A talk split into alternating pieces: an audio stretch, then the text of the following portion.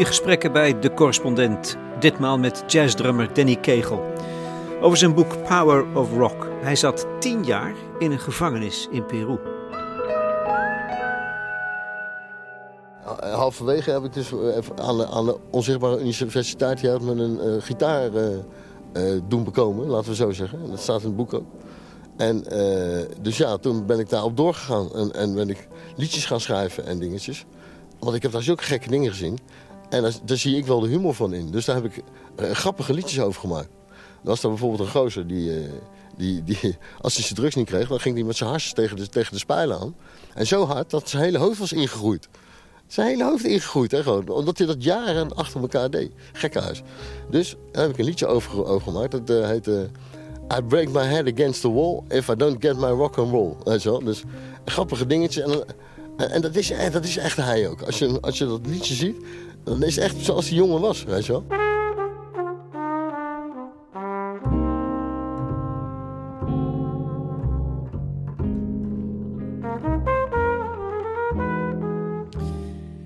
Danny Kegel is een geboren muzikant. Maar hij ontspoorde onder invloed van drugs en werd uiteindelijk op het vliegveld van Lima in Peru gesnapt met 10 kilo cocaïne. Hij ging voor 10 jaar de bak in. En schreef daar samen met Ad Bernard een bloedstollend boek over Power of Rock, 10 jaar in een Peruaanse cel. Nu probeert hij uit alle macht zijn leven weer op te pakken in Nederland. Ik ben op zijn spoor gezet door de voormalige gevangenisdirecteur Frans Douw. En ik sprak Danny al eens eerder voor het literaire project A Mile in My Shoes. In december was hij s'nachts bewaker van kerstbomen. Af en toe verkoopt hij me wat van zijn eigen muziek. Die krijg ik per WhatsApp thuisgestuurd. Alle kleine beetjes helpen, nietwaar? Nu zitten we op het dakterras van het huis waar hij een kamer heeft. De zon schijnt. Hij is met pijn en moeite in een hangmat gekropen, want geloof het of niet, hij is de avond tevoren geopereerd. Van uitstellen van het interview kan geen sprake zijn, nee. Niet in het leven van Danny Kegel. Je leeft nu. Het was zo dat vrijdagavond kreeg ik wat steken. En uh, steken ging dat doen. En toen zaterdag uh, werd het wat meer eigenlijk. ik dacht, nou ja, ik ga gewoon slapen en dan zie ik morgen wel. En toen zondagochtend was het zo erg dat het zweet dik op mijn voorhoofd stond. Ik denk, uh, dat is blindendarm. Dus toen ben ik naar het ziekenhuis gegaan. En toen moet, je, moet je eerst langs de huisartsenpost. En, en nou ja, het bleek dat het klopte wat ik dacht. En toen hebben ze me dus eigenlijk van, gisteravond tussen 10 en 12 geopereerd. En de hele dag was ik, moest ik nuchter blijven. En ik had zo'n honger, jongen. Zo'n honger. En ik hou echt van eten. Ik moet echt eten, anders val ik om. En uh, dat duurde wel lang. En toen was ik klaar met de operatie. Toen heb ik drie tossies met, uh, met curry en uh, een kop soep met drie boterhammen. En ik had zelf nog twee broodjes bij me en drie of vier koppen thee met, met vijf of zes suiker erin. Nou, toen kon ik lekker slapen daarna. En vanmorgen heb ik weer zo'n zo ontbijt gegeten. Dus het gaat niet zo slecht.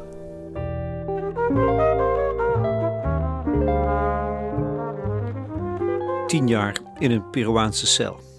Je komt aardig dicht in de buurt van de hel, denk ik. Sommige beschrijvingen doen me denken aan wat ik weet van de concentratiekampen. En dan, op een goede dag, gaan de deuren open. Ik lees. We lopen het pad af van de gevangenis naar de grote weg toe, langs een soort dorpje met allemaal armoedige huisjes van hout bedekt met golfplaten. Dit zijn huisjes waar het bezoek van de gevangenen kan verblijven in het weekend. Het ziet er triest en smerig uit. Het stinkt, ik zie alleen maar vuil, etensresten, plastic flessen en bekertjes. Ik word er helemaal beroerd van. Moet daar het bezoek in verblijven? Wat een armoede.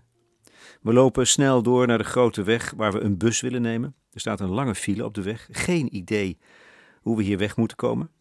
Ik zie alleen maar stampvolle bussen met Peruanen voorbij komen. Alle ruimte is opgevuld met koffers en kleding. Mensen staan met hun neus tegen de ramen gedrukt. Ik denk, wat is dit?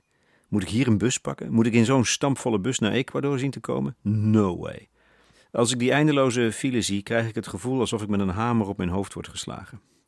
Het zweet breekt me aan alle kanten uit. Ik zie zoveel mensen om me heen. Wat moeten die van mij? Straks proberen ze me te beroven. Misschien moet ik nu gewoon gaan rennen, weg van hier. Nee, dat slaat nergens op. Wat moeten die mensen van me? Ik kan ineens geen mensen meer zien. In één klap voel ik mij helemaal mensenschuw worden. Ik denk alleen maar kappen nou, kappen nou met die herrie. Mijn hele lichaam trilt, ik raak in paniek. De stress waar ik zo bang voor ben knalt me hier vol op mijn harsens. Al na één stap buiten. Alleen maar paniek. Eh, je hebt natuurlijk tien jaar om erover na te denken hoe het zal zijn. Niet dat je daar gelijk over denkt, maar je bent er wel mee bezig op een gegeven moment. Naarmate het einde nadert, denk je toch van, joh, die deur die gaat weer open. Ik had het gelukkig, normaal gesproken ben ik altijd heel laat van het denken wat er gaat gebeuren. En, maar gelukkig had ik een jaar of twee, drie van tevoren wel ingeschat. Want ik was binnen ook nog flink aan de drugs. Want ze hadden daar meer drugs binnen dan, dan, dan buiten. En het is natuurlijk in Nederland zo dat als je drugs gebruikt, uh, dat kost meer dan, dan eten, zeg maar. Dus op een gegeven moment, als je, als je maar honger genoeg hebt, kom je er wel een keer aan dat je toch je geld aan eten gaat spenderen. Maar daar is dat omgedraaid. Dat betekent dat je nooit meer eet. Ik woog op een gegeven moment nog 49 kilo. En als je dan mijn, uh, mijn uh, ambities hebt, in de zin van ik wil de muziek maken, ik wil de wereld veroveren. Want ik zat daar eigenlijk en toen kwam het eigenlijk zo dat ik dacht van ja, stel nou dat ik nu dood zou gaan. En dan kom ik boven in die, in die hemel. En dan uh, dacht ik van, uh, dat Petrus zou zeggen van joh, je hebt zoveel, we hebben je zoveel talent meegegeven. En wat doe je ermee helemaal niet. Dus je mag die trap af naar beneden. En zodoende ben ik eigenlijk een beetje tot de realisatie gekomen ja, dat het anders moest. En uh, zodoende heb ik mijn persoonlijkheid veranderd. In, in, in, ja, maar je wil over, terug over dat we naar buiten gaan. Daar ga ik zo over hebben. Maar oké, dus, dus, uh, uh, dus je bent er wel mee bezig naarmate je naar buiten gaat. En dan stel je je dingen voor. Van ik ga een pizza eten, ik ga een shawarma eten. Of, hè, of wat ze daar hebben, ceviche heet dan. Dat is rauwe vis in, gemarineerd in een limoenensaus. Maar goed, ik ga naar buiten en eigenlijk iets heel anders gebeurde. Kijk, je kan twee dingen als je uit de gevangenis komt. Of je moet dan ongeveer nog negen maanden blijven, à tien maanden, om je paspoort terug te krijgen. Om uh, bijvoorbeeld uh, boete te doen aan het land. Want je, als je blank bent daar, dan word je toch gediscrimineerd. Ze denken allemaal dat je rijk bent, nou, dat ben je natuurlijk niet. Zeker niet na tien jaar. Dus je moet dan nog negen maanden blijven. Maar daar had ik eigenlijk niet zo zin in. Denk, we gewoon terug. Dus wat er gebeurde, er was een file aan de hand. En heel druk, met de, de, de drukheid van buiten... die die kwam als een hamer op mijn hoofd eigenlijk. Had ik helemaal niet bij stilgestaan dat dat wel eens zou kunnen gebeuren. Want mijn familie had me geld gestuurd en dan kon ik met de bus naar de grens van uh, Peru en uh, Ecuador. En dan uh, zou ik daar door, bij een taxichauffeur 100 dollar betalen en in de kofferbak over de grens worden gesmokkeld. En dan naar Quito, dat is de, naar, naar de ambassade van, van Nederland in Quito. En dan daar zeggen dat ik mijn paspoort verloren was en dan kan je daar een nieuw paspoort kopen. En daar heb je natuurlijk wel geld voor nodig. Maar dat had ik allemaal, uh, dat had mijn familie me opgestuurd, zodat het zou kunnen. Maar ik stond daar en, en ten eerste de realiteit van de drukte, die kwam echt als een hamer op mijn hoofd. En uh, het was zo druk in die bus dat gewoon echt mensen met de, met de, met de hoofd tegen de, tegen de ramen aanzagen. Helemaal beslagen en dit en dat. En ik denk, joh, als ik, als ik, want ik moest 14 uur in de bus naar de grens. En ik denk, als ik 14 uur in die bus gezeten heb, heb ik er drie koud gemaakt onderweg. Ik denk, dat moet ik niet doen. Dus uh, de angst sloeg eigenlijk toe van, van uh, mensenschuw uh, eigenlijk. Dat is daar van het ene op, het andere moment ontstaan eigenlijk. Je, je, bent eigenlijk volledig ontwend, hè? Ja, volledig ontwend. Ik was natuurlijk, en het ook zo, er is heel veel gebeurd in tien jaar. Ik had de smartphones gemist. alles via internet had ik gemist. Nou is dat in Peru nog wel iets minder, want dan lopen ze ietsje achter op Nederland. Maar dat begon eigenlijk hier pas dat alles gewoon via, via de, de, de, de elektronische weg gaat. Ik ben een man van het praten en dan kan ik voelen wat iemand wil of niet. Of waar die wel mee in zee gaat of niet. Waardoor ik uh, uh, mezelf kan redden, zeg maar. En, en dat ging allemaal niet meer.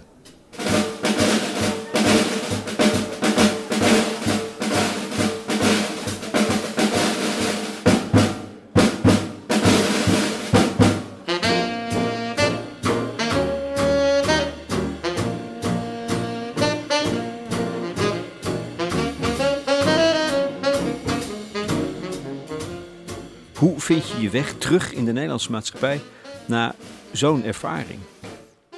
Dat is een van de dingen die ik graag wil horen van Danny Kegel. Maar om te weten hoe hij daar terecht kwam, überhaupt, op dat vliegveld van Lima met 10 kilo kook in zijn bezit, moet je eerst terug naar het begin, zijn jeugd. Hij heeft me verteld dat er sprake is geweest van misbruik, maar dat komt in een volgend boek. Dit is een onderwerp dat ik nu laat liggen. Wat voor kind was je, Danny? Uh, nou ja, ik, het was zo dat mijn vader die had een, uh, een uh, marching band, zeg maar, in Paradement Rijswijk. En, en hij was voorzitter daarvan. Dus in, onze, in onze opberghok wat we hadden, daar stonden eigenlijk alle instrumenten van die, van die, van die Paradeband Rijswijk heette dat. En daar stonden trommels en sousafoons en trombones en weet ik veel wat allemaal niet stond. En eh, ik was drie en toen, eh, en ze hadden van die diepe troubadour-trommels, zeg maar. En dan moest ik dus echt op mijn tenen staan. En dan kon ik net met mijn handen erboven en er zo op slaan. Dus zo, ik was heel klein. En eh, dat vond ik te gek, joh. En, en dat is eigenlijk gebleven. En dan vanaf mijn zesde, Je bent echt een geboren muzikant, hè? ja, geboren muzikant eigenlijk. eh. Maar hoe was het in jouw hoofd als jongetje? Nee, ik, ben, ik ben natuurlijk eh, een wervelstoren was ik altijd. En ik moest echt bezig gehouden worden ook. En ja, eh, ik weet nog wel dat eh, mijn moeder die liet me iedere, iedere dag eh, een, uur, een uur rennen of zo op een, op een veld. Want het, was, want het was ook nog eens een keer zo dat ik s'nachts ook nog gewoon doorleefde. Dus ik viel in slaap en vervolgens ging ik slaapwandelen. Maar gewoon alsof ik doorleefde. Dus ik ging in de kamer weer zitten en tv kijken en zo. En dan op een gegeven moment ging ik weer naar bed. En, ja. Ja, maar ze hebben op een gegeven moment... Maar ook heel veel nachtmerries gehad. Ik ben wel eens gewoon drie straten van mijn huis wakker geworden in de sneeuw. in mijn onderbroek. Ja, maar dat is, dat is het engste wat ik ooit heb meegemaakt. Ik ben voor niks bang. Maar ik heb nu trouwens wel hoogtevrees. Maar eh, eh, het is wel zo... eh, die nachtmerries, dat was echt niet te doen. Echt. Gewoon drie straten verderop in, van, mijn, van, van mijn kamer af. En gewoon dan wakker worden. En dan geen idee hoe je daar gekomen bent. Waanzinnig. Dat is een hele rare ervaring. Dat weet ik nog heel goed. Eigenlijk stormt het altijd in je hoofd. Tenminste, zeker als kind. Ja, misschien nu nog wel. Het stormt altijd. Het, het is een ongelofelijke drukte, stel ik mij voor. Ja, nou het gekke, het gekke was eigenlijk dat ik heel lang gedacht heb dat de snelheid mijn vriend was. Omdat ik muziek maakte en met improvisatie en dingen was het, dacht ik dat je dat nodig had. Maar dat is juist helemaal niet waar. Dat is volledig de andere kant op ben ik achtergekomen. En dus ik heb het heel lang misschien wel zelf in stand gehouden ook. En dat is wel een aparte gewaarwording als je, als je jezelf nog eens ga- gaat ontleden wat ik in Peru gedaan heb. Dat was wel nodig ook. Want ik heb een hele rare jeugd gehad waar ik allemaal foute beslissingen in mijn keukenkast had staan. En het blijkt dat een mens, als je gewoon een, een beslissing maakt, dat je eigenlijk niet van nu handelt. Dat je eigenlijk een beslissing van, die je al gemaakt hebt erbij pakt. En dat je die dan gebruikt. En dat heb ik heel goed kunnen zien in die... want je had er bijvoorbeeld een... eh, iedere dag werd er drie keer eh, per dag werd er drugs uitgegeven. En er was gewoon eh, 70 man in de rij gewoon. En die bewaarders van die gevangenis, die hielden dat. Die rijden een beetje oké, want iedereen staat op zijn drugs te wachten. Nou, degene die, maar het kan wel eens zijn dat je te veel genomen hebt. Of eh, hè, iedereen is verslaafd natuurlijk ook. Dus, en dan ga je zien wat voor trucjes ze gaan gebruiken om dat toch te krijgen. En dat blijkt, ik heb gezien dat er gewoon heel veel mensen die kiezen... voordat ze toen ze klein waren, drie of zo, een, een koekje aan de moeder vroegen. En dan, als dat niet gebeurde, de een gaat op de grond liggen, eh, eh, boos worden met zijn handen en zijn voeten slaan op de grond. Of een ander gaat heel lief doen van, ah man, dit en dat. Of, eh, ja, of, of een karweitje doen als je het verdient. Of, dat heb ik allemaal naar gezien. En zodoende dacht ik van, hé, hey, dat is dus gewoon, dat zit in de mensen dat we dat zo doen. En toen eh, ben ik dat gaan begrijpen hoe, hoe ik verkeerde beslissingen nam. En daar een hele kettingreactie van had. En dat in kaart gaan brengen en dat eh, werkbaar te maken, zeg maar. En, en wat zijn dan die verkeerde beslissingen? Nou, dat je bijvoorbeeld... eh, eh, nou, een, een, een foute beslissing is dus waar ik het net over had... is dat ik veel te snel was altijd. Dat ik heel impulsief eh, reageerde op dingen. Mijn vader heeft een, een bloemenzaak eh, gehad altijd. En dan kon het, wel, kon het wel zijn dat hij me 20 euro gaf om broodjes te gaan halen tussen de middag.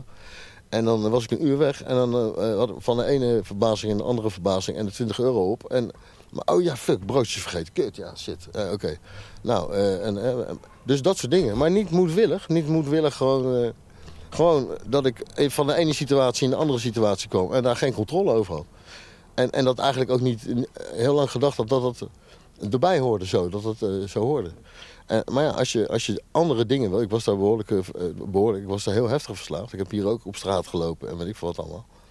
En ja, dan, dan moet je dus jezelf gaan vangen in welk, waar begint dat? Welke, welke beslissing neem ik? Want het zijn een hele reeks van beslissingen. Eer dat je vanaf die hangmat bij de dealer staat en, dat, eh, en, en daar losgaat. Want het was ook nog eens een keer zo dat mijn hoofd was zo heftig. Ik kreeg te veel spanning. En als ik dan drugs ging gebruiken, dan was, duurde dat ongeveer een week of zeven. En dan had ik allemaal spullen verkocht. En eh, ik was helemaal naar de kloten. En eh, eh, eh, niks meer over. Dus geen huis meer, niks meer. Gewoon alles weg. En, en dat... eh, Dat zijn dan die slechte beslissingen die ja, alle, alle slechte beslissingen. En hoe ben ik dat gaan vangen?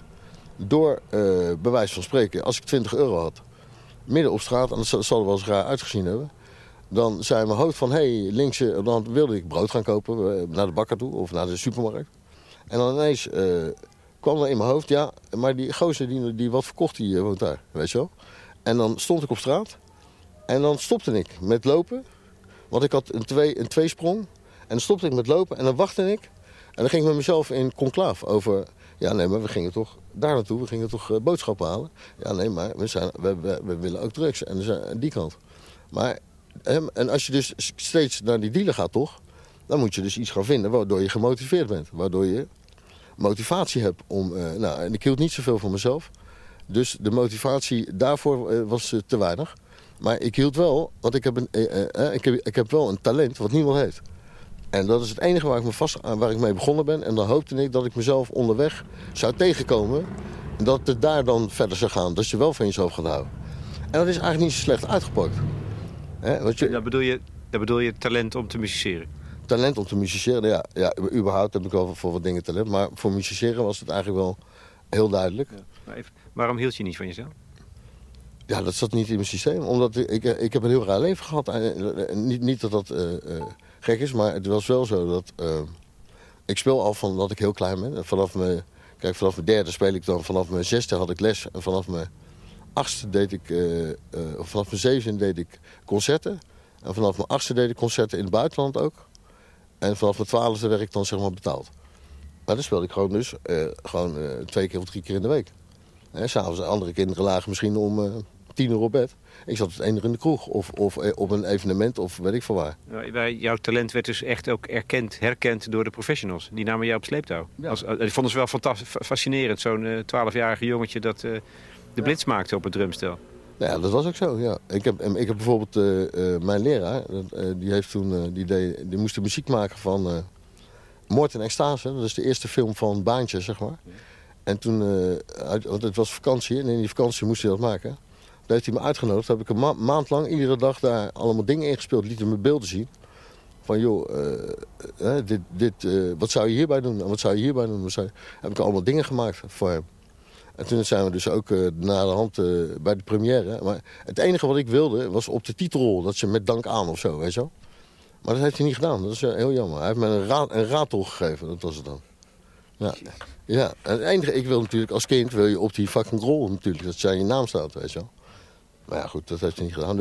Ik weet niet waarom niet. Maar, maar muziek maken, eh, hield, je, hield je van jezelf op het moment dat je muziek maakte? Is dat ook wat, wat het dan dreef? Uh, nee, want ik, nee, het was eigenlijk zo, het was zelfs andersom. Dat als ik mijn drumstel niet bij me had, dan uh, wist ik niet wat ik moet zeggen, zeg maar. Was ik, was, het was heel anders voor mijn gevoel. Ja, als ik aan het drummen was, dan had ik een hele andere vibe met de mensen om me heen. Omdat er toch iets, dan deed ik iets met de mensen of zo. En als je gewoon op een verjaardag binnenkomt, en, ja, dan is dat anders, weet je wel. Nou, dat, dat, ging, dat begreep ik niet zo goed. Ja, dus, dus daar voelde ik me onzeker over. Door dat spelen, uh, dat zette ik voorop. Ja, omdat ik uh, wel het gevoel had dat er in mijn systeem heel veel fouten zaten. En ik had liever, en mensen die waren altijd blij als ze die muziek hoorden. Dus ik heb me heel lang uh, voorgesteld met de, met de muziek ook, zeg maar. Begrijp je wat ik bedoel? Dat was jouw betere ik? Ja, ja en de rest was één grote bende eigenlijk in mijn hoofd. Ja. Dat heb ik in Peru pas opgelost. Toen, daar zeggen mensen ook tegen me, joh, ga nou muziek maken. Ik zei nee, want muziek is niet mijn probleem. Mijn probleem is de basis en mijn persoonlijkheid, wat daar omheen zit. Als je niet op tijd bent, als je niet komt, of als je niks volhoudt... als je niet eh, zorgt dat je stabiliteit hebt in het uh, organiseren van dingen... Dan, kan je, dan heb je geen kans. Dan kan je wel talent hebben, dan kan je lekker kunnen spelen... maar dan wordt het niks, want je, je kan het niet volhouden.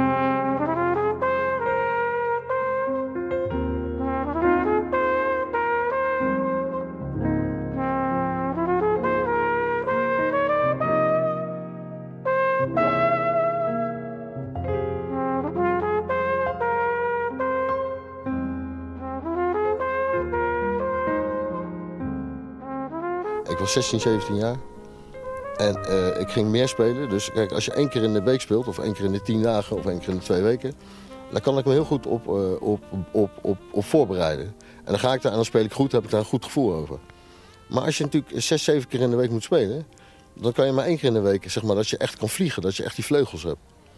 En uh, het, het, geval wilde dat ik, ja, die andere dagen wilde ik naar huis eigenlijk. Want dan kon ik het niet voor mijn gevoel. Terwijl, de, terwijl het wel meeviel. Want, eh, maar zo erg was dat dus dat andere medemuzikanten, of eh, dat waren bekende mensen... En die, die zei, ja, te gek en om mijn nek en dit en dat. En dan, vond ik ze eigenlijk leugenaars, zeg maar. maar dat- weet je wel? Zo ver ging dat. Terwijl ze wel meenden wat ze zeiden. Maar eh, het was... eh, dus je voelt je niet meer... eh, in, in een zaal van duizend man kon ik me heel eenzaam voelen wel. Omdat niemand, niemand ten eerste kennen ze niet alles van mij. En ten tweede begrepen ze me niet. Dus eh, eh, zo, voel, zo voelde ik dat. Ik had ook het gevoel dat ik, als ik dat, dat stukje liet zien... Want dat, dat schikte mensen af natuurlijk ook. Er was heel veel geweld, geweld bij thuis bijvoorbeeld en dat soort dingen. Als ik daarover vertelde, dan, eh, ja, dan schrokken mensen daarvan. Dan namen ze afstand van mij. Omdat ze misschien zelf genoeg problemen hadden of, of dingen. Of, misschien was het de tijd er niet naar, dat was misschien anders. Maar het geweld tussen je ouders neem ik aan dan. Ja, ja dat, was, dat, was, maar dat was zo heavy dat het gewoon niet normaal was. Ja, ik weet nog wel een keer dat met mijn zusje zaten een spelletje te doen. Mensen je niet, terwijl echt stoelen en shit door de hele kamer heen vloog. En wij waren eh, 1, 2, 3, 4 en 6. En, eh, mensen je niet ook van alle spelletjes die, die er zijn. Maar goed, muziek. Dus je was een dijk van een talent. Eh, Je, je trad al op als, als, als puber samen met de, pro- de grote pro- de jazzmuzici in Nederland. Ja. Je reisde naar het buitenland van alles. En toch had je soms het gevoel, ik zit hier de boel te belazeren. Nou, niet te belazeren. Maar ja, dat je het niet kon vinden. ik had heel veel dingen eh, verdrukt in mezelf. En ook, eh, daar wilde ik ook niet aan, want het was heel moeilijk, eh, complexe shit om dat uit te zoeken. En eh, nou ja, dit- het was zo dat. ik ben even de vraag kwijt. Omdat je dat ja. soms niet kon vliegen, Ja. dacht je. Ja, omdat ik dus soms, hè, dan kan je dus maar één keer in de week kon je vliegen. Die andere dagen wilde ik naar huis. En ik speel juist, het enige waarom ik speel is om daar dat goede gevoel te halen. Want dat was eigenlijk ook het enige goede gevoel wat ik had in mijn leven. Dus, en als het dan gewoon niet gaat, nou ja, dat, dan werd ik boos hè. Erg boos. Dus, eh, want ik wilde dat eh, controleren en ik wilde dat sturen ook. Nou, ik denk, oké, wat kan ik doen? Nou, ik kan iemand gaan bellen die, eh, die altijd goed speelt. Had ik bedacht. En ik denk, nou, wie, wie zou dat zijn? Nou, ik denk Ak van Rooyen. Dat is een man die altijd, wanneer hij die toeter aan zijn mond zet... en midden in de nacht bij hem op, dan speelt hij fantastisch. En eh, ik had toevallig eh, eh, bandlessen van hem op het conservatorium. En er was dus wat publiek. En dan zo met een, met, ja, met een rhythmsectie en wat solisten, een stuk of drie, vier. Hadden we dus zo'n bandles. En toen heb ik hem die vraag gesteld. Ik zeg, Ak joh, hoe, hoe kan je toch altijd zo verschrikkelijk mooi spelen? Hoe, hoe hou je die motivatie? Hoe krijg je je geest zover dat hij altijd dat kan produceren. En toen dacht hij even na. En Ak is een grootheid. Dus wanneer Ak nadenkt, zegt niemand wat. Dus was helemaal stil. Voor een minuutje of zo. En toen zei hij... Muziek zit in de lucht. Je hoeft het alleen maar in te ademen, zei hij. Nou, en sinds die tijd heb ik er eigenlijk nooit meer problemen mee. Heel apart. Ja.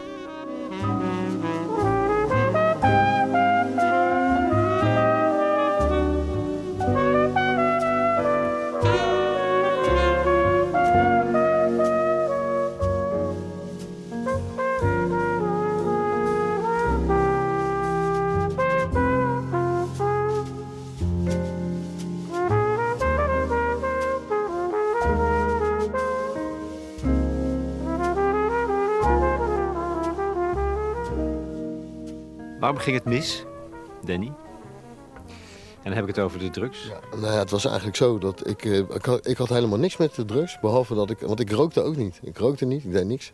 En iedereen bij mij in, de bu- eh, in mijn omgeving die zat te blowen en weet ik wat allemaal. En toen, eh, toen ben ik, had- ging ik af en toe een stukje stuf eh, kauwen. En eh, nou, dat vond ik dan wel leuk. Daar ben je, ben een beetje stoned van. Maar eigenlijk eh, door een medemuzikant die, eh, ja, hij heeft dus to- toevallig laatst zijn excuus voor aangeboden. Maar die, die had al eh, zes jaar in een afkikcentrum gezeten. En weet je, ik, ik zou nooit dat aanbieden aan iemand die dat nog nooit gedaan heeft. En dan ben je niet goed in je hoofd, weet. Tenminste, in mijn beleving. Maar hij, eh, hij vond het van wel. En oh, dat heeft hij dus misschien honderd keer aan me gevraagd. Nee, je moet even een lijntje nemen. Nee, neem even een lijntje. Is leuk, man. Want ik zat wel met allemaal mensen om me heen die dat allemaal deden. Maar ik deed het eigenlijk niet.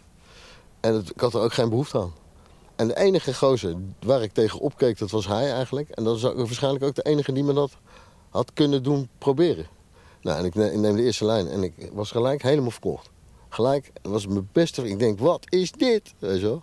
Ja, zo, zo, ja, dus vanaf die tijd, want alles in mijn hoofd leek ineens eh, gestructureerd en kalm en geen storm meer. En eh, jongen, dat was, eh, ja, zo, zo, zo ging dat. Dat was een openbaring echt voor me. Maar eh, ik, had, ik was ook totaal grenzeloos. En, en dat was een slechte combinatie, zeg maar. Weet je wel? Ja, Je, hebt- je hebt wel humor, gelukkig. ja nee, tuurlijk. Ja, maar je moet wel om jezelf kunnen lachen. Anders kan je, anders kan je, kan je, kan je beter gelijk een touw pakken, want dan houdt het op. Ja. Maar ja, het begint met een lijntje. En waar eindigt het? Ja, het begint met, de, met een paar muzikanten in, in, in een barretje of, of ergens. En het eindigt eh, met, eh, allemaal in een kraakpand met allemaal bankrovers die nog een chauffeur nodig hebben. En dat je zegt van ja, dat rijd ik wel even, joh. Weet je wel dat? Bij wijze van spreken. Ik heb nooit eh, overvallen op banken gedaan. Maar wel, eh, ik heb nooit wapens gebruikt. Maar ik heb wel dingen gedaan. Ik, heb, ik, ik kon binnen een minuut een auto pikken en dan reed ik ergens naar binnen, achteruit, s'nachts. En dan deed ik een minuut gratis winkelen. En dan vond ik het het leukste als er dus vijf of zes politieauto's eh, buiten stonden. Die me achtervolgden en dat ik dan wegkwam. Dat was de grootste kick eigenlijk. Ja. Maar ja, dan heb je dus geen kans nergens voor. Dat gebeurt. Je raakt eigenlijk in het criminele circuit terecht. Ja. Terwijl je nog steeds blijft drummen overal, volgens mij. Ja, ik- En je, en je wordt zwaarder en zwaarder verslaafd. Je komt dieper en dieper in de kook terecht. Ja, ja, nou ja, ja, het was zo. eh, Door dat spelen eh, kon ik, had ik best kon ik goed spelen. Ik, weet je wel, ik kon, met geld, dat, had ik, dat verdien ik wel. Dus eh, nou ja, eerst, eh, eerst dat. En daarna spullen verkopen. En daarna eh, rommelen. Je wel, rommelen met tussenhandel. En weet ik veel wat ik allemaal gedaan heb. Dus van allerlei dingen gedaan. Maar gewoon...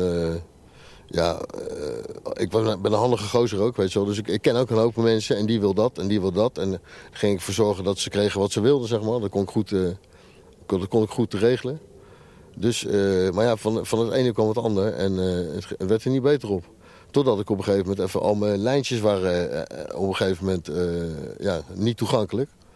En ja, dan heb ik, ben ik gewoon verder gegaan. Want er moest gewoon nu doop komen. En dat was, dat was eigenlijk de grootste fout.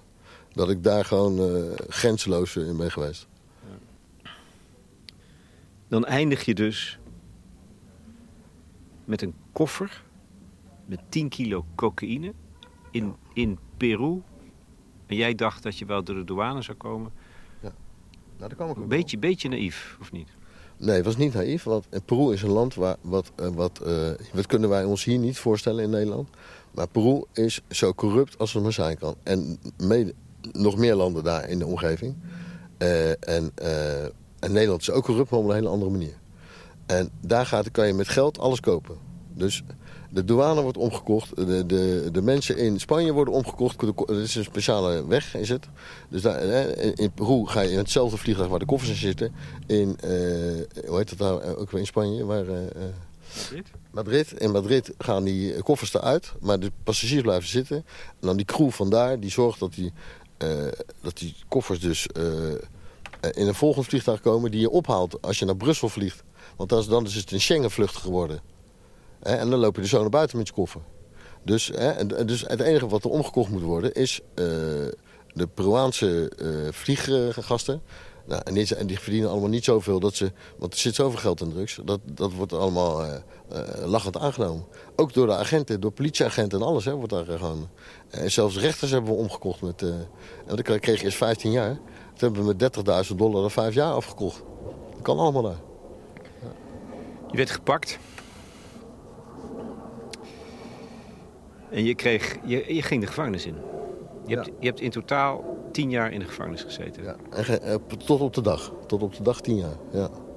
En, eh, nou ja, dat is... eh, voor, weet als ik het achteraf bekijk... Ik ben, ik ben wel een gozer die, die zich nooit... nou, hoe noem je dat nou? Nooit voor het blok laat zetten. En natuurlijk met- met- ben ik daar behoorlijk heftig met drugs meegemaakt. Mee, ben ik daarmee bezig geweest. Maar ik heb ook van iets negatiefs iets positiefs gemaakt. Om... eh, Dat Wat- komt zo. Vind je het goed? ja, tuurlijk. Want dat is de tweede fase pas. Oké.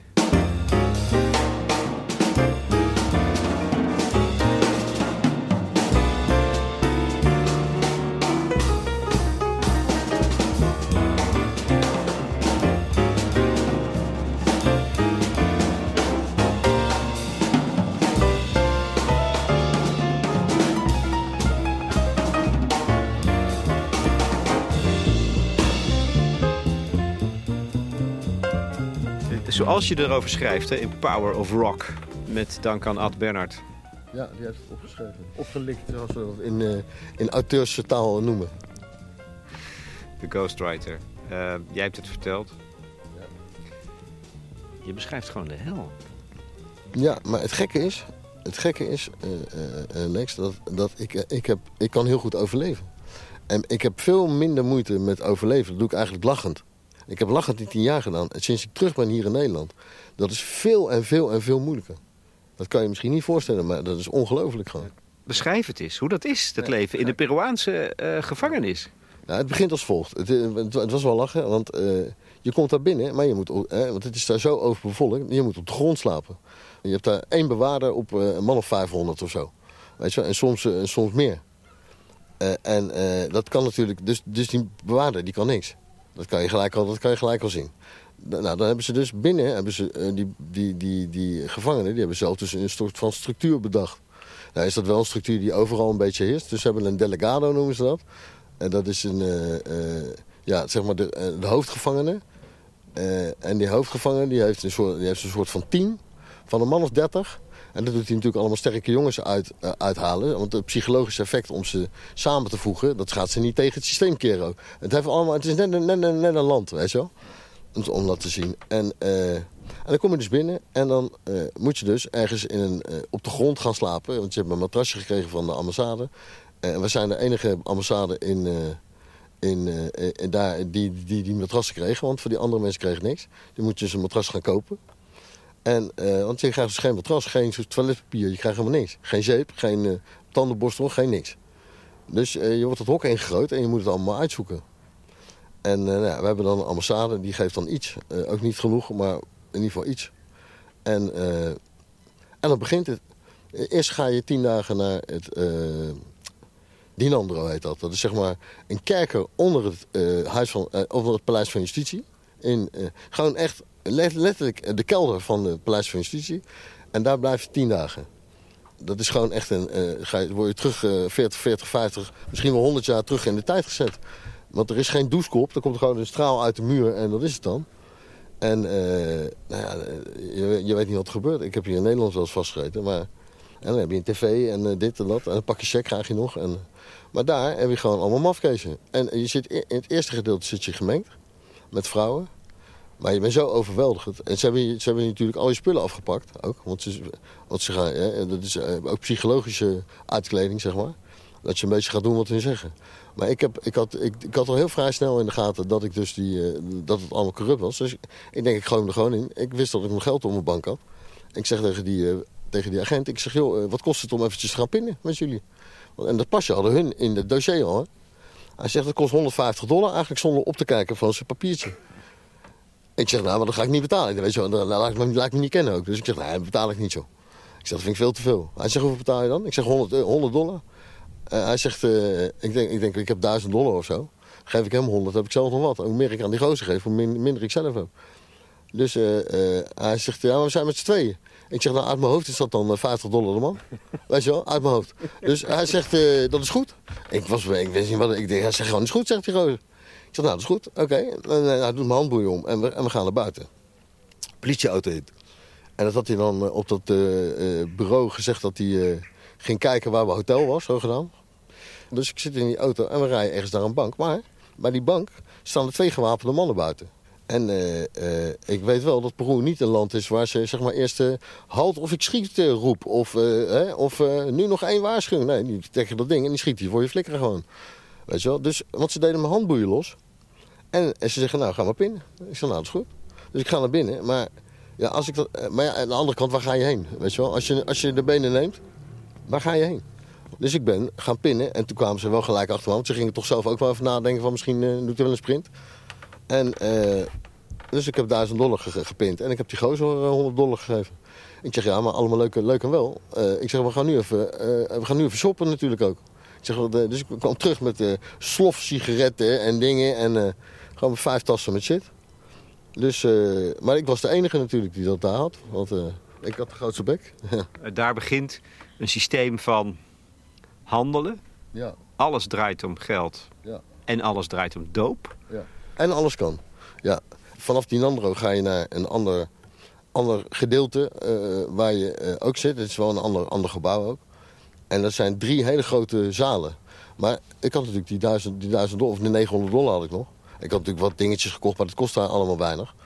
Dus ik had misschien nog uh, eh, 850 dollar.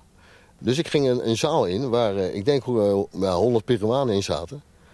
En uh, allemaal mafkezen gewoon. 100, gewoon allemaal, allemaal, gasten van de straat en overvallers en weet ik wat allemaal. En moordenaars en nee, die shit, want iedereen zit daar gewoon voor. Je weet niet wat, wie, wie er zit. Ik denk, nou, maar ik had, ik had een horloge en ik, ik zag er toch nog wel een beetje uit, zeg maar. En, uh, en dat waren echt gasten van de straat. Ik denk, ik kan hier geen oog dicht doen. Toen heb ik die hele shit laten ontruimen voor 50 sol. Ik zeg, wat kost het als ik al die jongens eruit gooi? Ik zeg, en hier met 10 jongens gaan slapen die ik aanwijs. Hij zegt 50 sol, zegt die man. Ik zeg, nou, dat is goed. Toen heb ik het hele shit laten ontruimen. Ja, het is bij, bij de gekken, maar dat kan nou dus gewoon. Als je dus de deur open doet aan de voorkant, daar begint het al. Tot aan, s'nachts was de patio dicht. En daar zijn de toiletten. Dus s'nachts zijn er geen toiletten voor de mensen die op de gang liggen. Dat betekent dat als je moet plassen, dat je dus in een fles moet plassen. Maar al die matrassen liggen tegen elkaar aan. Dus als je, je staat wel bij iemands hoofd te pissen, zeg maar. En dat tot daar aan toe. Maar als je slechte kip hebt gehad en iedereen heeft scheiterij... dan is het wel een heel ander verhaal daar, weet je wel. En ik heb ook wel eens gehad dat er, dat er een maand geen water was. En dan kan je dus het toilet niet doorspoelen. Dat is gewoon hele bergen waren dat geworden. Het werd een gekke afvecht. Maar je gebruikte zoveel, mede daardoor, mede om die omstandigheden ja, hoofd te bieden... dat je nog maar 49 kilo woog. Ja, ik heb, zo, ik heb echt heel, heel heftig gebruikt daar. En uh, 49 kilo woog ik nog, ja. Nou, ja dat was, uh... En toen dacht ik bij mezelf, joh, kegel... Wil je, wil je dat nou? Want als je, hè, toen, toen begon ik te denken van, als je dat nou eens anders ging doen... zou dat niet uh, beter zijn?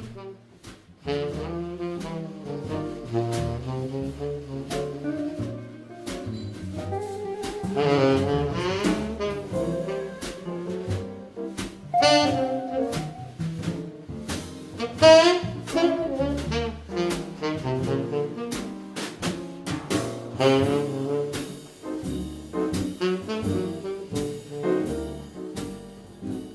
de onzichtbare universiteit? De onzichtbare universiteit is, is, is iets wat ik eigenlijk al mijn hele leven heb. Die uh, visioenen, uh, dingen van de toekomst. En, en die praat tegen mij in emoties. En die emoties zijn eigenlijk veel heftigere prikkels... dan dat ik hier bij wijze van spreken een ongeluk zou krijgen... of uh, tegen een auto aanrijden. Of, of, of, of, dat, er, of dat er iemand wegvalt in je familie of dingen. En... En dat was ook de reden waarom ik eigenlijk zoveel drugs gebruikte. Omdat dat zo heftig was. Dat kon ik niet aan, want ik vond dit leven al een hoop prikkels hebben. Maar als je dan nog een soort van hele leven erbij krijgt... met ook nog allemaal prikkels die veel heftiger zijn... en als ik dan een beetje snoof, dan was dat weg. Lekker man. Dat, dat schoot op. En toen uh, kwam ik dus in Peru. En in Peru heb je dus gewoon een soort ander soort aardstralen. Eh, want daar, daar, daar hebben dan die, die indianen gewoond... die, en het is niet, zo, niet, niet, niet voor niks dat het zo'n groot volk is geweest. Ik denk dat het door die aardstralen komt. En dus ik kwam in Peru en alles begon open te gaan. Nog erger dan, dan hier. En ik kon roken wat ik wil en doen wat ik wil. Het kwam er gewoon doorheen. Dus op een gegeven... Je dacht soms dat je gek werd? Ja, zeker. zeker ja. Ja. Nou ja, of... Want dan hoor je stemmen of dan zie je dingen. Of dan... Ja, je, je, je denkt dat je paranormaal bent. Nee, ja, nee, ja, dan, ja, dan, nee, nee, nee, je denkt niet dat je... Maar ik, ik, ik, ben nog steeds paranormaal. En dan heb je dus, en, en dan heb je dus, uh, uh, heb je dus uh, invloed op de realiteit. Niet alleen voor de toekomst, maar nu op dit moment. Nu op dit moment. Met je geest, hè? Met je geest. Met je geest. En dat, maar dat is echt zo. Als je, als je, een heel klein voorbeeld daarvan is, eh, wat je kan, kan begrijpen als, je, als, je als, je dit, als dit, dit je niks zegt, is bijvoorbeeld eh, mensen die depressief zijn. Wij zitten nu hier. Kijk, wij, wij zitten in de zon. Eh, dan kan je dan kan je, als je dan depressief bent, dan kan je ervoor kiezen om nu, op dit moment, gelukkig te zijn. Omdat de zon schijnt. Omdat we in de zon zitten. Als je dat dus gewoon doet, dan ben je dus geen, begrijp, ben je niet meer depressief. Het klinkt heel simpel, maar zo is het echt. Begrijp wat ik bedoel? Het zijn keuzes die je maakt. En op die manier, want ik, ik had daar ook een touw kunnen pakken. En uh, dat heeft precies 20 seconden geduurd. Dat ik dacht van, ga ik een touw pakken of niet? En nee, ik doe het niet. Ik ga het doen. En dat was uh, nadat ik die, uh, die, die hamer had horen vallen van 15 jaar. Nou, ga je toch even denken van, ga ik het doen of niet? Wat, ik denk dat iedereen daar terecht komt als je zo'n straf krijgt. En ik denk, ja, ik ga het doen. Dus dat duurde maar 20 seconden. En ik ben gewoon gaan leren. Ik heb gewoon daar gestudeerd op mijn gedrag. En de onzichtbare universiteit, zeg maar. Want waar heb je dan de kracht vandaan gehaald? Want er is overal drugs, zoals je erover schrijft. Er is constant druk. De hele samenleving dra draait om drugs eigenlijk. Dus om het geld te hebben om... Je verkoopt alles om maar weer wat Ja, nee, nieuwe... masseren deed ik ook. Ik deed masseren, mensen masseren. Je kan er dus voor een sol, dat betekent dus dat dat, dat is 20 cent of zo. 50, 25 cent was dat toen, dat is nu iets meer. Eh, daar kan je dus gewoon eh, een rok van halen of een pakje van halen. Of eh, En een rok is? een rok is zeg maar dat je twee keer kan roken of zo. Gewoon een- wat, wat hier in Nederland 25 euro kost, dat kost daar dus zeg maar 25 cent. Zoveel verschil zit erin. Waar heb je in godsnaam de kracht van vandaan gehaald, de power vandaan gehaald... om jezelf daarvan te los te maken? Want dat heb je nog in de gevangenis gedaan. Je Ja. bent misschien niet helemaal clean, maar wel behoorlijk clean eruit gekomen. Ja, nou ja, het is zo dat... eh, kijk, die onzichtbare universiteit die begon tegen mij te praten. Van, joh, doe dit. En als je dat gaat volgen, als je, die, eh, hè, de- als je dus de keuzes ziet die je hebt... en dat volgt, dan gebeurt er iets. Dan gebeurt er iets met je realiteit. Want je moet niet vergeten, wij zitten nu hier, ik in de hammat en jij op een stoeltje. Maar het, op hetzelfde moment, voor mijn gevoel, zit ik in Peru. En maak ik die beslissing. Van joh, dat moet anders, want ik wil nog even wat gaan doen. En nu heb ik het over mijn theatershow en over mijn boeken wat ik geschreven heb. Begrijp je wat ik bedoel? Dat is gewoon een keuze die je maakt. Want Het zijn allemaal realiteiten die over elkaar heen lopen, Ja, die door elkaar heen ja, lopen. Ja, en als je, gewoon, als je gewoon gaat doen wat je wil... en, daarin, en je moet je er niks tegen laten houden. En gewoon eh, gaan doen. Kijk, ik, ik heb dat talent niet. Ik, ik zie dat zo, dat, ik, dat talent heb ik gekregen van een, eh, een eeuwenoude, laten we zeggen... Een, een, een, een, eh, ja, misschien een, misschien een, Wijzen. ja, of, of een, een geest of een, iets, iets wat om de aarde heen. kijk, ik, ik zie het zo. Als, de, de meest intelligente beesten die planten zich voort. Hoe langer dat duurt, hoe intelligenter het beest is. Dus hè, de mensen duurt negen maanden, olifanten. En eh, stel nou dat een nog veel intelligenter iets is die, dus aan, die zich voortplant door in ieder stukje, ieder, iedere geboorte een stukje van zichzelf te zetten. Waardoor hij dus heel veel informatie krijgt. Want wanneer dat, wanneer, misschien leeft hij wel 500 jaar. En wanneer, die, wanneer die, dat die, die kleine ja, mieren in zijn ogen doodgaan... dan krijgt hij die informatie weer terug wat ze allemaal meegemaakt hebben. Dus misschien groeit hij zo wel, weet je wel. Weet jij veel? Dat denk ik dan. En, en denk, eh, en in dat kader ben ik gewoon eh, het leuk gaan vinden. Het, het, het spannend gaan vinden. En, want dat kan ik net zo goed doen als dat ik de hele dag op straat loop te roven... en te toestanden en, en winkeldiefstallen en, eh, eh, en auto's door ruiten heen. Want dat is helemaal niet nodig. Ik ben veel te slim voor die, voor die handel. En te talentvol. Begrijp je? Dus, dus ben ik het om gaan draaien gewoon. En nu zitten we hier over een boek te praten die, die er al is. En eh, over een theatershow die er al is. Parece, ¿no? Ya, ¿Cuál es su ok, nombre? un Casi, ratito. casi. ¿Casi? No, no. ¿Cuál es su nombre? Mi, mi nombre es Daniel, Da- Dani Quejo, yo soy. Daniel. Ya, Dani vamos a hacer Yankee Po para ver quién habla en inglés con. Ricardo, que hable Mari Carmen, por favor, es la indicada. Over theater gesproken. Na zijn vrijlating neemt Danny Kegel niet de bus naar Ecuador. Vanwege de angst die hem overvalt. Hij blijft nog negen maanden in Peru voordat hij naar huis kan. En dan begint dus meteen een tweede fase van overleven. Een van de mensen die hij in de gevangenis heeft leren kennen, notabene de delegado, de hoofdgevangene, en wie hij altijd loyaliteit heeft betoond, ontfermt zich nu over hem. Dat is één. En er is nog een oude maat uit de Baaiers die met een soort circusshow door het land trekt. Danny Kegel doet mee als artiest. Hij heeft liedjes leren maken in de gevangenis. En hij treedt zelfs op, een keer, op televisie in The Voice of Peru. Hello, baby. Hello, baby. How are you doing, my love?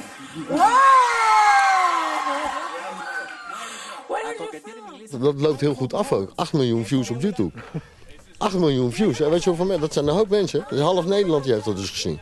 Je weet niet wat daar gebeurt. Ze gaan, ze ze gaan helemaal... Helemaal uit de dak. Ja, helemaal uit de dak. Omdat ik grappige antwoorden heb. En, en nog wel erbij kon, eh, lekker kon spelen ook. En eh, ja, dat kan... Wisten ze dat jij uit de Baaiers kwam? Nee, dat heb ik, niet, heb ik ze niet verteld. Maar ze wisten wel dat ik een vriend was van, van die Gr- Gringo Carl, heet die andere jongen. En die is daar echt, als- hij door, door de straat loopt, komen hele families met, de hele, met oma's uit de rolstoel, die komen eh, foto's met hem maken. Zo, zo beroemd is die jongen daar. Dus de hem kenden ze wel. En, eh, dus ja, en, sinds ik dus eh, daar ben geweest, 8 miljoen views op YouTube, hebben ze dus eh, ook op alle posters en, en foto's en spandoeken stond ik ook erbij. Want ze- eh, in die show begint die ene man die noemde eh, Gringo Trolleador. Dat betekent buitenlandse grappenmaker, zeg maar. En dan hadden ze dus Gringo Trolleador heel groot ook op die posters. Beetje jammer dat jij daar nooit een cent aan verdiend hebt, neem ik aan. Aan die show niet. Ja, ja nee. Ik heb, ik heb, maar ik, ik, ik heb wel geprobeerd om, en dat was, dat was echt heel erg stressvol, geprobeerd om te begrijpen wat YouTube was en hoe dat werkt. Ik denk, dan moet ik dus video's verder hebben, dat ze verder kunnen klikken, dat ik, dat ik ook wat kan verdienen of dit en dat. En jongen, daar heb ik van alles geprobeerd, maar ze klikt helemaal niet door. Dus ik begreep, weet je, eh, eh, ja. En, en ik wilde misschien te hard of, eh, of dat, maar ja. ondertussen is er een boek en dat, eh, daar heb ik 1200 exemplaren van verkocht. Alleen maar eh 5 sterren reviews op bol.com. Op bol.com is hij dus te, verkrijgen. Power of Rock, geschreven door Ad Bernard. En het gaat over mij, Danny Cave. Yo soy Elvis Presley. Well, it's time for the money, two for the show. Three, get ready now, go, go, go, but don't you step my balloon switch. Well, you can do anything on the hood, my balloon switch. Well, you can knock me down, set on my face, say my name all over the place. Do anything that you wanna do. Je zei overleven in een tien jaar in een Peruaanse eh, gevangenis. Dat is eigenlijk niks vergeleken bij overleven als je dan terug bent in Nederland. Waarom is het dan nu zo godvergeten moeilijk voor jou?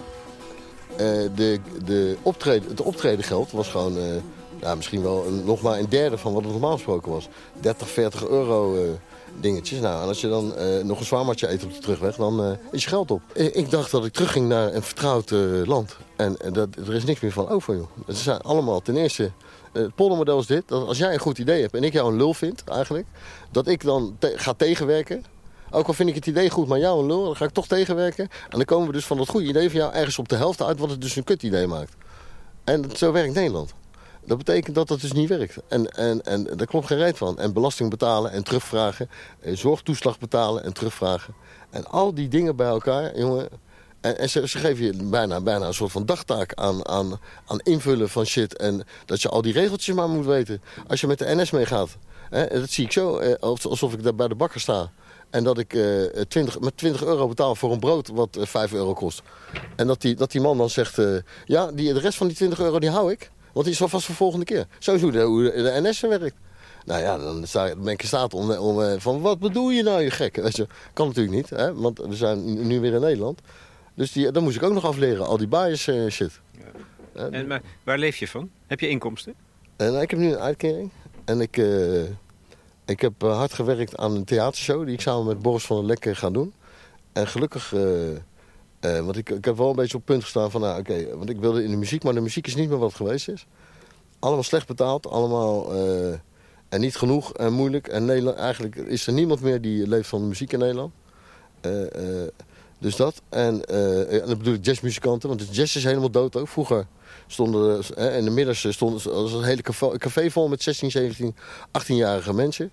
En nu eh, zitten er vijf, vijf van 85 die groene thee drinken. Dus die man die zet niks om, dus het heeft geen zin, weet je wel. Dus, dus eh, ja, zo zie ik dat dan. En dat is een beetje jammer.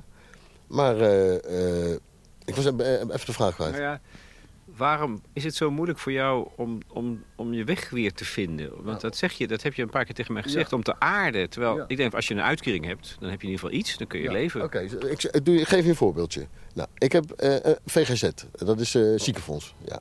Nou, ik, omdat ik een tijdje, toen ik, ik heb een tijdje in, in eh, Rijswijk gewoond, daar kon ik, eh, heb ik, eh, kreeg ik geen uitkering. Maar daar heb ik acht maanden gewoond. Ik had wel een huis, kreeg geen uitkering. Zelfs met Frank van der Schee, dat is de, dat is de, de, de straatadvocaat, wordt hij genoemd, uit het programma van Boven en Erven van Doren. Die heb ik meegenomen. En hij kreeg het ook niet voor elkaar om daar een uitkering te krijgen. Nou, in ieder geval, eh, ik heb de acht maanden eh, geen, dus geen inkomsten, maar wel kosten gehad. Maar dan, dan leef je, waar, hoe leef je dan? Nou, ik had gelukkig mensen die me eh, geld gaven om te leven. En dat is van mijn familie geweest. En daar ben ik ze nog steeds dankbaar voor natuurlijk. En, maar het is ook heel moeilijk om dat te aanvaarden, omdat je dan gewoon niet past. Ze geven je dat omdat je gewoon het niet redt. Verschrikkelijk eigenlijk. Wel, wel leuk dat ze het me geven, maar het voelt echt heel kut. Eh, dus ik heb daar een achterstand bij de VGZ. Nou, oké, ik krijg dan wel een uitkering in Den Haag. Dan ben ik hier komen wonen en moeilijk. En eh, na, na een paar stappen. En ik denk, om geen hoofdpijn te hebben, laat ik de VGZ van de, eh, van, door de uitkering rechtstreeks storten. Dan heb ik er geen, heb ik het niet in mijn handen, kan ik het niet opmaken, gaat het rechtstreeks zijn. Nou is er dus een algoritme bij die VGZ... die nu voor de derde keer al gezorgd heeft dat er iets gebeurt... Waardoor ineens in plaats van, eh, want ik geef, dat, ik geef de premie en eh, 25 euro eh, betaal ik af. Dus dat is 170 euro bij elkaar. 170 euro en er gebeurt er iets met dat, met, met dat systeem. Waardoor als ik, me, als ik mijn geld stuur, dat doe, dat doe ik, daar heb ik geen controle over, want het wordt vanuit de uitkering gedaan. Die sturen dat en dan zegt dat systeem daar van nee, dit is niet de premie en 25 euro. Nee, dit is allemaal achterstand. Maar ik kijk er niet meer naar om, omdat ik denk dat ik dat goed geregeld heb. Nou is het voor de derde keer al. En nu is het zo dat ik daar dus een rechtszaak over heb. Een rechtszaak over. Ik heb niks met niks, te, met niks te maken, want ik doe helemaal niks. Daar heb ik een rechtszaak gehad. Ik ben er niet heen geweest. Maar omdat ik, ik, ik word helemaal, daar word ik helemaal gek van, van die shit. Voor de derde keer. Want als je dus iemand gaat bellen, dan nemen ze je in de maling. Want eh, dat is echt, dat wordt, die VGZ, dat wordt de, de, de tweede toeslagenaffaire. Let maar op. Dat is niet mee te werken met die gasten. En als ik wat heb, moet ik het zelf betalen. Het is, zijn, zijn die goed? Ja. Terwijl jij doet niks verkeerd, maar Nee. ze denken wel dat je iets verkeerd doet. En dan kom je dus weer in de problemen. En, de- en, en, de, en, en de opleidingsvragen van, die, die voor die mensen die daar werken nu achter de computer... die kunnen alleen maar kijken in de computer vaak. En die kunnen wel een betalingsachterstand regelen of, of dit of dat. Maar ze kunnen niet... Het is veel te veel informatie. Het is zoveel informatie dat ze er geen wijs meer uit worden. En nu voor de derde keer heb ik echt een zo groot probleem... dat, dat, dat vreet aan me gewoon. Op die manier eh, benadelen ze alle jongens die aan de onderkant van de maatschappij staan. Omdat het zijn heel veel jongens die zitten drie maanden vast. En die zitten weer vijf maanden buiten. eh, Of twee maanden vast. Hè. Maar die komen allemaal in dat systeem terecht. Met achterstanden. En Den Haag pakket is dat dan. En wat, Den Haag pakket. Den Haag pakket is dat je geen eigen risico hebt. Maar als je dus, als, je dus eh, als het systeem jou op die achterstand zet en niet de premie voor je betaalt. Want ik heb dat geld overgemaakt, daar kan ik verder niks aan doen. Ook met de juiste kenmerken en met alles. Dan eh, gaat, wordt je eh, verzekering in- van Den Haag pakket zonder eigen risico wordt teruggezet naar een basispakket.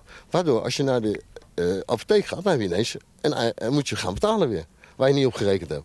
Dus aan alle kanten ze je oor aan, jongen. En, en, en wat het CAK, waar je dan terecht komt, die kan wel in één keer je geld eraf halen. Als ze dat nou gelijk doen, dan zijn, ze dus klaar. Maar nee, maar dat is dus dat het CAK betaald moet worden. Weet je overal. En voor de derde keer, hè, gewoon. En dan zit je dus, als je, als je dus belt, dan hebben ze een betaalde lijn. Dan moet je een betaalde lijn bellen. Of, of eh, eh, je sowieso ben je er twee, drie, drie, drie dagen mee bezig. Om die mensen aan de lijn te krijgen, dan wat af te spreken, dan weer terug. En jongen, hou op schuit. Dan wordt het weer een oorlog in je kop. hoor. Helemaal gek word ik daarvan, echt. Helemaal gek, ja. Eh, En, en, en dit is exemplarisch voor jou, in jouw ervaring, als je dus tien jaar echt van de wereld bent geweest. Gewoon. En, eh, maar, maar dan kom je dus terug en dan is die wereld zo veranderd dat jij... Ja. En dan- dan kom je in een soort doolhof van bureaucratie terecht ook. Ja, mijn, mijn, enige, mijn enige redding was, ik denk, als ik maar muziek ga maken en weer met de beste ga spelen, dan, dan leer ik de rest wel. Zo, is, zo had ik het gedacht. Maar, eh, eh, nou, dat spelen met de beste, dat ging eigenlijk wel goed. Want mijn eerste optreden dat was met, eh, met Philip Harper. Dat is de trompetist van Art Blakey in de jazz, van de Jazz Messengers uit New York. Ik had een adres, ik reed mee met de bassist. En we komen daar. Toen bleek dat dus op, eh, hoe heet nou die, die, die universiteit die zo, die zo goed aangeschreven staat? Juliet? Nee, nee in, in, in Nederland. In Nederland. eh in, Ge- bij Gouda aan de buurt. Eh, hoe heet dat nou, joh? Eh, met het kasteel. Kasteel... eh oh, Nijenrode. Nijenrode, ja, Nijenrode. Daar. daar moest ik spelen. Dat was mijn eerste gig met Philip Harper op het kasteel Nijenrode. Het is wat gek voor woorden, ja. Maar, kon je het nog? Ja, tuurlijk. Ja, nee, maar, Ja, natuurlijk. Je, kon toch, Ja. je hebt een beetje op een gitaar zitten, zitten, Ja. zitten pielen. In de, in op, YouTube, op YouTube staat het. ik, ik was bij die, bij die meneer thuis, wat ik je zei, die hoofd van de gevangenis. Daar woonde ik thuis. En omdat ik mijn mond gehouden had, hadden ze wat instrumenten voor me gekocht en dingen. Ze hebben een drumstel voor me gekocht, wat gitaren. En eh, mijn drumstel heb ik daar opgezet. En daar heb ik een vi- videootje van gemaakt. Staat op YouTube. Dat ik de eerste keer drum na tien jaar. En heb ik nog geen stokken aangeraakt. Nou ja, eh, gewoon eh, niet zo slecht gewoon.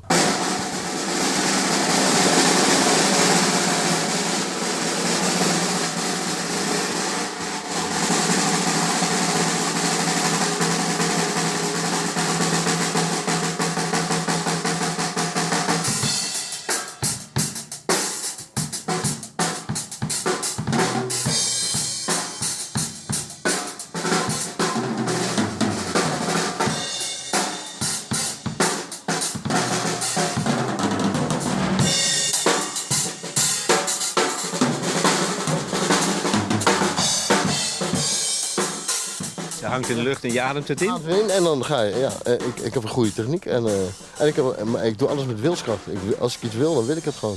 En, en wat betekent het nou eh, dat jij erachter komt dat je vroeger dacht bij dat musiceren dat het over snelheid ging? Ja, dus dat, ja hoe sneller een drummer slaat, hoe, eh, Ja, hoe meer furoren die er maakt. Maar hoe kan je nou zeggen dat het daar helemaal niet om gaat?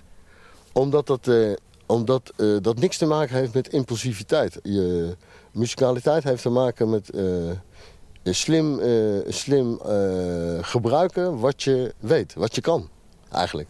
Ja, stel, nou, stel nou, ik kan jou leren, dat, eh, speel, je, speel je wat of niet? Je speelt niks nou. Dan kan ik je leren dat je dus die gitaar pakt en dat je één noot speelt. Maar die ene noot, want je kan misschien maar één noot aanslaan. Maar als je die ene noot nou zo mooi aanslaat dat die helemaal fantastisch is, met al je vertrouwen wat je hebt, dan ben je, ben je klaar. Hè? Maar je hoeft helemaal niet al die akkoorden en dingen. Als je maar die noot, wat jij speelt, die ene noot, als je die goed speelt, dan ben je fenomenaal. En hoeveel vertrouwen gooi je erin? Dat, dat is hoe je, hoe je het kan zien. Snap je? Dus je moet slim omgaan met wat je weet. Dat is heel wat anders. En dat vliegen, wat je droom was als jochie al, van dat je kon vliegen. Ja. Eigenlijk, eigenlijk de- uit de wereld uit, hè. dat stel ik me nu zo voor. Eh, Alle shit achter je laten, gewoon vliegen. Zal ik je vertellen wat dat was? Ik heb het van de week weer meegemaakt. Ik speelde met Boris eh, van Lek samen. Waar ik nu mee speel. Boris van Lek, dat is de heftigste saxofoon eigenlijk van Europa. Eh, die heeft bij eh Jules Deelder gezeten, bij Hans Dulfer, bij, met, met de Tough Tenners. Negen keer in Japan geweest. Met alle grote op aarde gespeeld. En die man, daar heb ik samen nu een theatershow show mee. En die man, die, die heeft, voor de kerst heeft hij me dus een, een Ovation gitaar gegeven. Eh, Ovation, eh, en dat is een 12-snarige. Dat is eigenlijk de beste gitaar die je kan hebben om akoestisch te spelen. Heeft hij me voor de kerst gegeven. Omdat hij, zei hij, hij zegt dat hij eh, zo ongelooflijk in mij gelooft, in die theatershow. Hij zegt, deze heb je van mij, dat je daarop kan spelen. Ja, ik, dan, dan, dan moet ik harder gewoon. Die man, dat is, is een gigant die man. Hè? En, dus ik heb hem ook geholpen weer met alles. Want hij had geen uitkering, had, had niks. En eh, door die corona, we hebben natuurlijk wel echt klappen gehad met die corona. Dus toen heb ik voor hem een uitkering geregeld. En toen heb ik eh, zijn boek ook uitgebracht. Want ik weet hoe dat gaat toevallig, omdat ik mijn boek heb uitgebracht. Dus zijn boek is nu ook uit op, bol.com.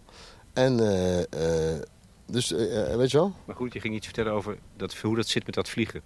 met het vliegen. wel? nou, oh ja, ik ging dus met Boris spelen en Vincent Kuiper in een bejaardentehuis. We moesten een uur spelen. En die mensen, die waren dement. En, weet je wel, en, en op een gegeven moment, die, hè, die waren aan de stoel gekluisterd en weet ik veel. Maar we kregen het voor elkaar dat we dus een aantal gingen dansen. En die mensen waren zo blij dat we daar geweest waren. Nou, dat is, dat is vliegen. Dat je dus, ik vind het mooiste, als ik het naar mijn zin heb, als daarmee ook de mensen. En dan kan je dus met hun, met hun eh, onzichtbare universiteit, kan je dus die muziek maken. Ik maak het dan, maar of, eh, of dat, tenminste door mij heen wordt dat gemaakt, laat ik het zo zeggen. Maar dat doen we met z'n allen. Als die ambiance daar is, dan is het mooiste wat er is. En hoe meer publiek je hebt, hoe mooier dat, dat, dat, dat is, weet je wel. En dat is eigenlijk eh, de liefde. Ik wil in de hele wereld de liefde geven voor muziek. Dat is wat ik wil. Fijn. Ben je goede maatjes met de onzichtbare universiteit tegenwoordig? Nou ja, je bent nooit klaar, hè? Je bent nooit klaar. Ik, moet, ik heb nog wel dingen op te lossen. Ja. ja. Ja. Hoe, is het, hoe is het nou in je hoofd tegenwoordig? Nou ja, eh, eh, ik kan twee dingen doen. Of eh, me gek laten maken, of proberen gewoon te doen wat ik kan. En, en dat is het. Meer kan ik niet. Dus ja, gisteren had ik mijn verjaardag moeten vieren. Had ik twee optredens geregeld. En eh, ik, ben ik niet, heb, ik- niet heen kunnen gaan. Doordat ik een, een operatie had. Een blinde darmoperatie gistermorgen. En ik lig nu weer in de hangmat. Dus ja, we gaan gewoon door. Ik wens je veel geluk, Danny Kegel. Dankjewel. En eh, voor iedereen eh, heb ik nog wel wat te zeggen. Eh, geef elkaar liefde en zorg dat je het positieve in de negativiteit ziet. Want dat is altijd aanwezig. Namelijk. En als je de dingen omdraait, je kan altijd iets positiefs uit een negatieve situatie halen. Vergeet dat nooit. En als je dat zoekt, dan komt het allemaal goed.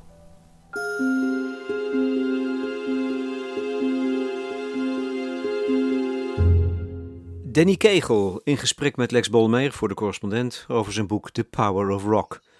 En zoals hij al heeft duidelijk gemaakt, het is nog te koop. Je kunt ook een rondje lopen in de teenslippers die hij in Peru gedragen heeft. En daarvoor moet je in Den Haag zijn op het Spuiplein. Daar staat een schoenendoos, A Mile in My Shoes. Het is een project van het literatuurfestival Winternachten. Hebben jullie commentaar of vragen? Ga dan naar ons platform, de bijdragesectie. Die is toegankelijk voor leden.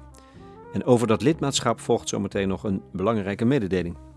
Voor de muziek maakte ik gebruik van een paar YouTube-filmpjes met Danny Kegel zelf en van trompetist Ak van Rooyen, Autumn Bugle.